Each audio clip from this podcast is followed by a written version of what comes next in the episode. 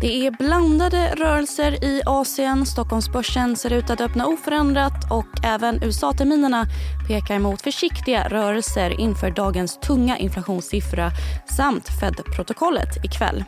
Du lyssnar på det i Morgonkoll. Jag heter Anna Stjernqvist.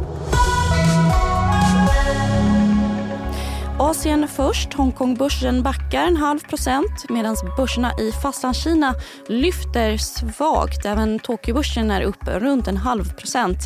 Och japanska maskinorder sjönk klart mindre än väntat i februari och mer än väntat i årstakt. Vidare till Sverige där Volvo kommit med en omvänd vinstvarning och det med anledning av ett rekordstarkt resultat i det första kvartalet. Preliminära siffror visar att omsättningen ökade med 25% och den justerade marginalen med 14% Det efter en sjunkande marginal den senaste tiden. Och den fullständiga rapporten publiceras den 20 april. Vidare sjönk klädhandelns försäljning med närmare 3% i mars jämfört med samma månad i fjol. Svensk skohandel sjönk med över 20% och prisökningen på livsmedel i Sverige kan börja avta till våren. Det visar en ny prognos från bankerna Swedbank, Nordea och SBAB, rapporterar Ekot.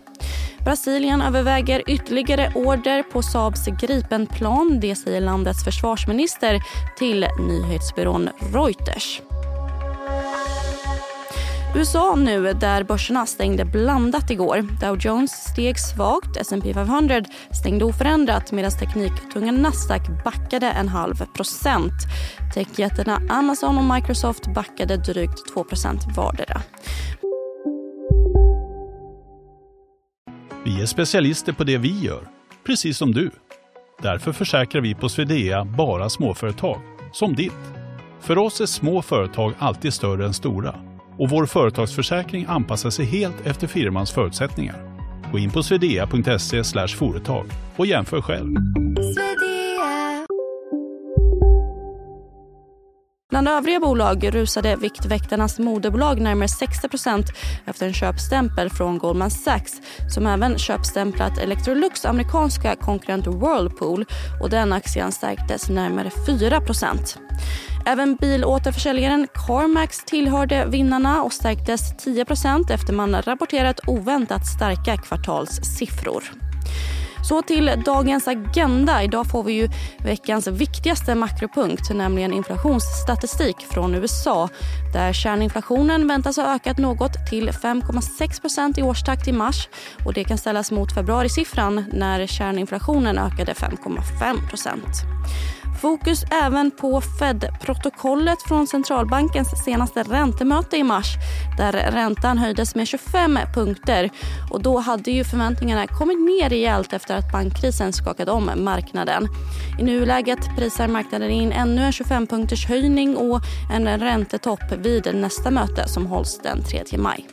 På bolagsfronten rapporterar svenska SAS trafiksiffror efter starka siffror från de både nordiska sektorkollegorna Norwegian och Finnair.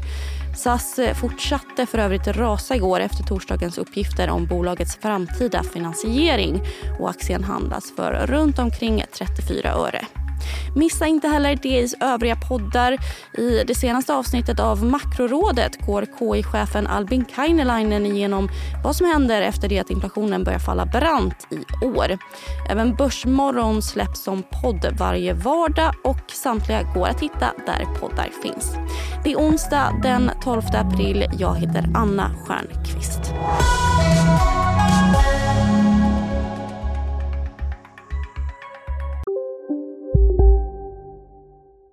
Där det finns ett samhälle, där finns det brott. Krimrummet är podden som tar brottsligheten på allvar.